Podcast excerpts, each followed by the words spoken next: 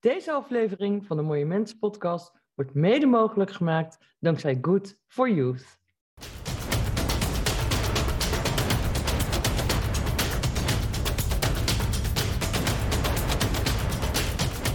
manipulatie speelde wel een rol. Dat trok mij er toch wel overheen. En toen ik veel dieper zat in dat hele wereldje, werd het nog veel erger. Ik was niets meer van me over, mijn tanden waren kapot.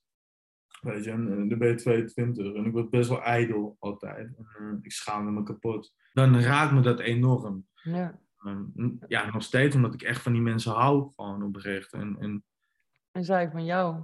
ja, ja, wel, ja. En ik werd heel onrustig. Eh, Ik kreeg op een gegeven moment kreeg ik methylfenidaat. Terwijl ik heb geen officiële stempel met HDHD of Nee. ADD. Of, ik had die testen überhaupt nog niet eens gehad.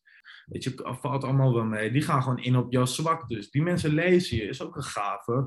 Uiteindelijk, met hun lezen je gewoon. En wat me ook nog steeds elke keer weer raakt, als ik daaraan denk, is... ehm, ja, weet je, mijn moeder heeft alles voor me gedaan. Ik was zelf gewoon zo naar de kloot op een gegeven moment. Ja, dat is ook de valkuil, hè? Als je zo kwetsbaar bent en je bent zo jong.